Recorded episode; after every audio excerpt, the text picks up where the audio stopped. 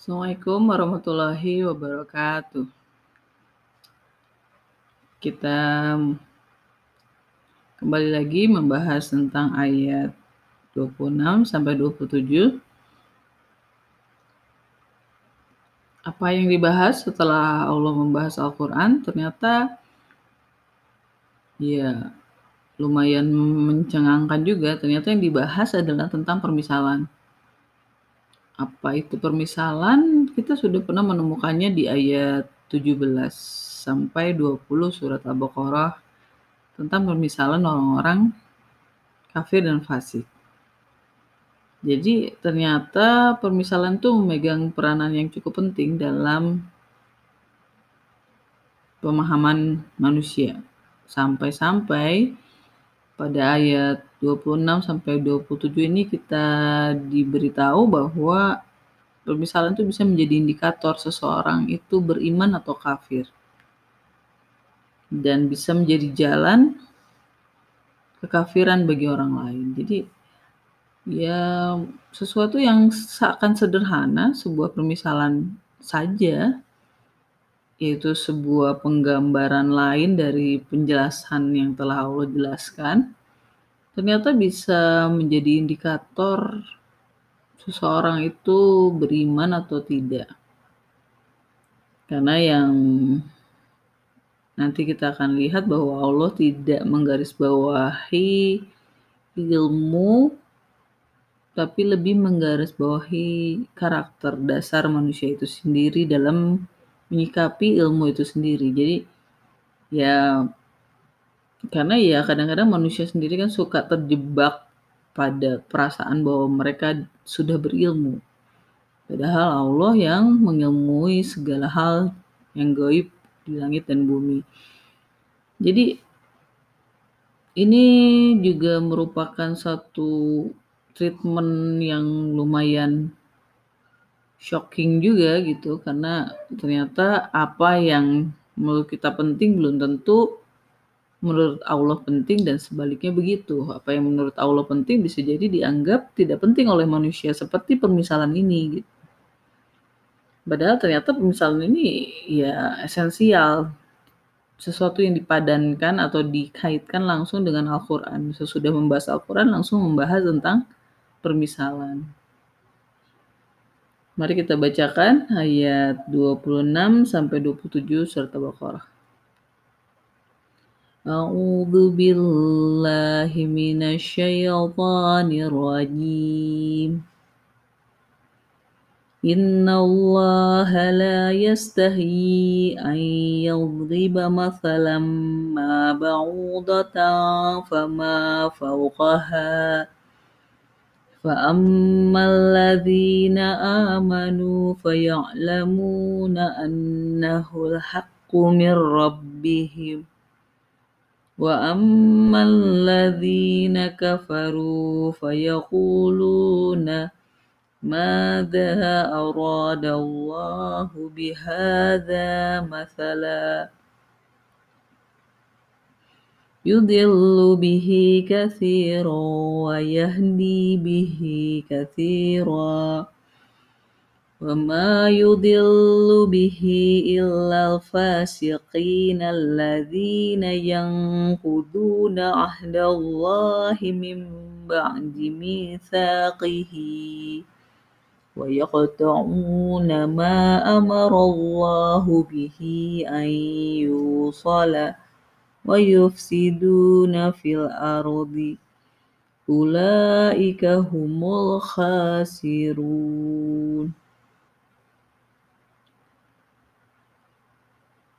Jadi pertama Allah menegaskan bahwa dia tidak malu. Sebetulnya kata malu ini kata dasarnya sama dengan kata hidup. Jadi kenapa diartikan malu? Ya ini masih menjadi suatu pertanyaan bagi saya sendiri. Apa kaitannya antara kata malu dengan kata hidup? Bahwa Allah tidak malu untuk membuat permisalan semisal nyamuk atau lebih kecil dari itu. Dan orang-orang yang beriman, bagaimana cara penyikapan mereka terhadap permisalan adalah mereka akan mengilmui bahwa permisalan itu adalah sebuah kebenaran dari Rob mereka. Jadi orang-orang beriman itu berusaha memahami permisalan sampai benar-benar yakin bahwa kebenar permisalan itu sebuah kebenaran dari Rob mereka. Lalu bagaimana sikap orang-orang kafir terhadap permisalan? Mereka mempertanyakan buat apa sih Allah membuat seperti ini? Apa maksudnya? Jadi bukan bertanya tentang maksud Allah, bukan bertanya tentang maknanya gitu, tetapi lebih mempertanyakan tentang niatnya gitu ya. Jadi ya memang bukan untuk memahami, tapi memang untuk mempertanyakan saja. Itulah sikap orang-orang kafir terhadap permisalan. Jadi banyak orang yang Allah sesatkan dengan permisalan ini, tapi juga banyak orang yang mendapat petunjuk dari permisalan ini. Lalu kemudian yang Allah tegaskan bahwa ternyata tidak ada orang yang disesatkan kecuali orang-orang yang fasik. Nah, kata fasik sendiri baru muncul di ayat 26 ini yang dikaitkan dengan kesesatan dalam penyikapan terhadap permisalan. Kita sudah membahas tentang ciri-ciri orang yang fasik atau sesat di ayat 8 sampai 16 surat Al-Baqarah. Jadi kata fasik sendiri baru muncul di ayat 26. Nah, mengapa waktu itu saya mendefinisikan orang-orang sesat sebagai orang yang fasik ya karena ciri dari orang-orang fasik itu disebutkan di ayat 27-nya adalah satu orang yang melanggar perjanjian setelah teguhnya melanggar perjanjian Allah ya. Jadi bukan melanggar perjanjian antar manusia yang sekarang ini sering kali dikaitkannya begitu. Padahal di sini ditegaskannya bahwa orang-orang fasik adalah orang yang melanggar perjanjian Allah. Seperti apa perjanjian Allah ya sampai sejauh ini belum dijelaskan. Kedua adalah orang-orang yang memutuskan apa yang diperintahkan untuk disambungkan. Apa itu juga, seperti apa bentuknya, belum dijelaskan. Lalu yang ketiga adalah mereka yang berbuat kerusakan di muka bumi. Nah inilah yang menjadikan ciri ketiga ini yang menjadikan mereka sama dengan orang-orang sesat. Maka saya menyimpulkan bahwa orang-orang sesat itu adalah orang-orang fasik walaupun hanya satu ciri yang sama persis ya. Apakah yang dua ini ternyata juga masih ciri yang sama ditemukan di orang sesat ya kita harus menelaah kembali. Tapi ciri yang paling persis ya di yang ketiga ini ciri mereka yang suka berbuat kerusakan di bumi lalu ditambahkan bahwa mereka itulah orang-orang yang merugi nah sedangkan kita sudah sama-sama tahu bahwa orang-orang bertakwa adalah orang-orang yang sukses atau berhasil atau beruntung. Nah, ini juga setelah kita mempelajari sebelumnya kita sudah paham bahwa orang-orang sesat ini adalah lawan orang-orang yang bertakwa. Maka ketika orang-orang fasik juga di, diberikan statement bahwa mereka adalah orang-orang yang merugi ya pada dasarnya mereka memang sama kebalikan juga orang-orang yang bertakwa. Jadi bisa dikatakan memang apa yang kita bahas di ayat 8 sampai 16 surat Al-Baqarah adalah ciri-ciri orang yang fasik. Walaupun tidak secara gamblang sama percis gitu ya cirinya. Untuk bisa menegaskan atau meneguhkan kesimpulan ini ya jelas kita harus terus melanjutkan perjalanan ke ayat-ayat selanjutnya. Nah, kembali lagi ke masalah permisalan jadi ternyata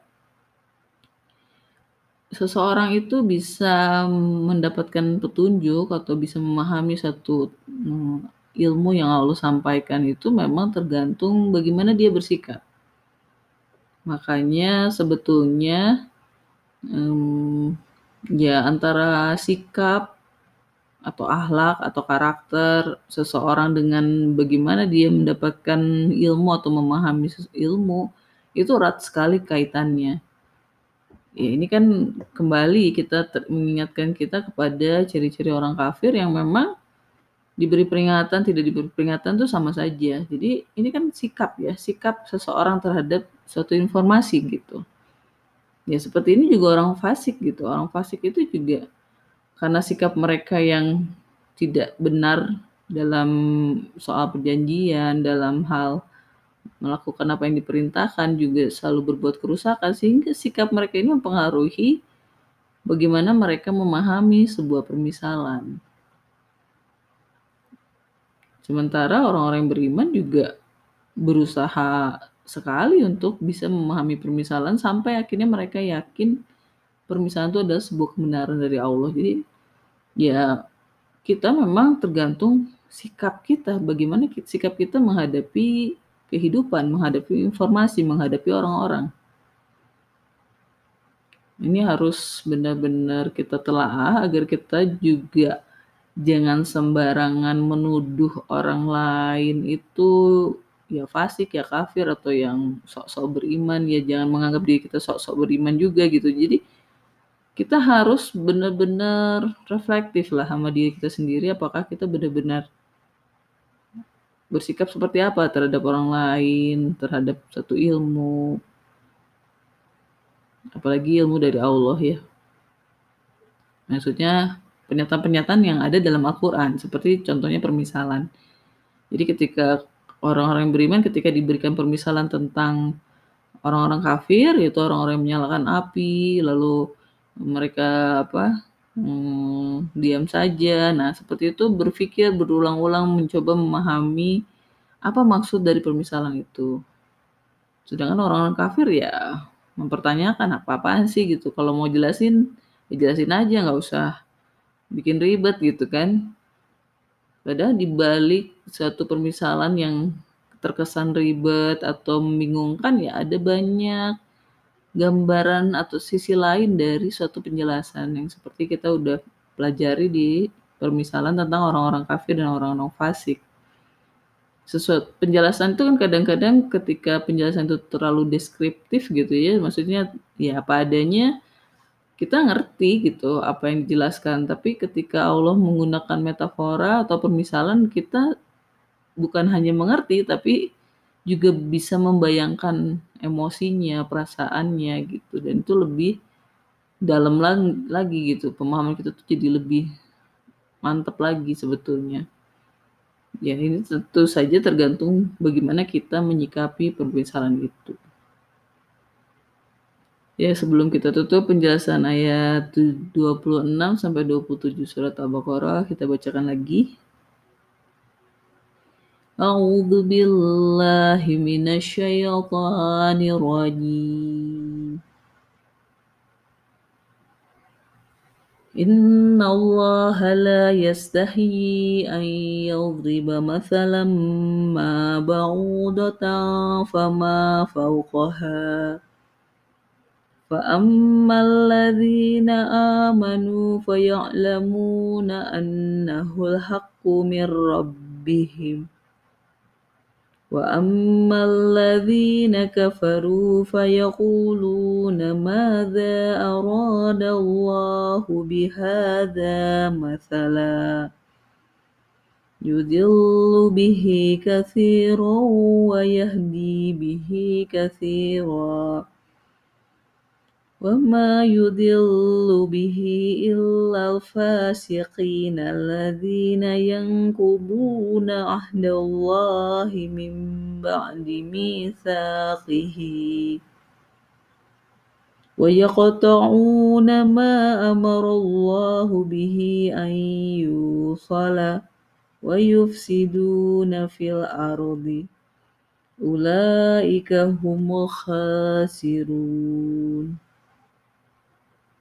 Sekian pembahasan tentang ayat 26 sampai 27 surat Al-Baqarah.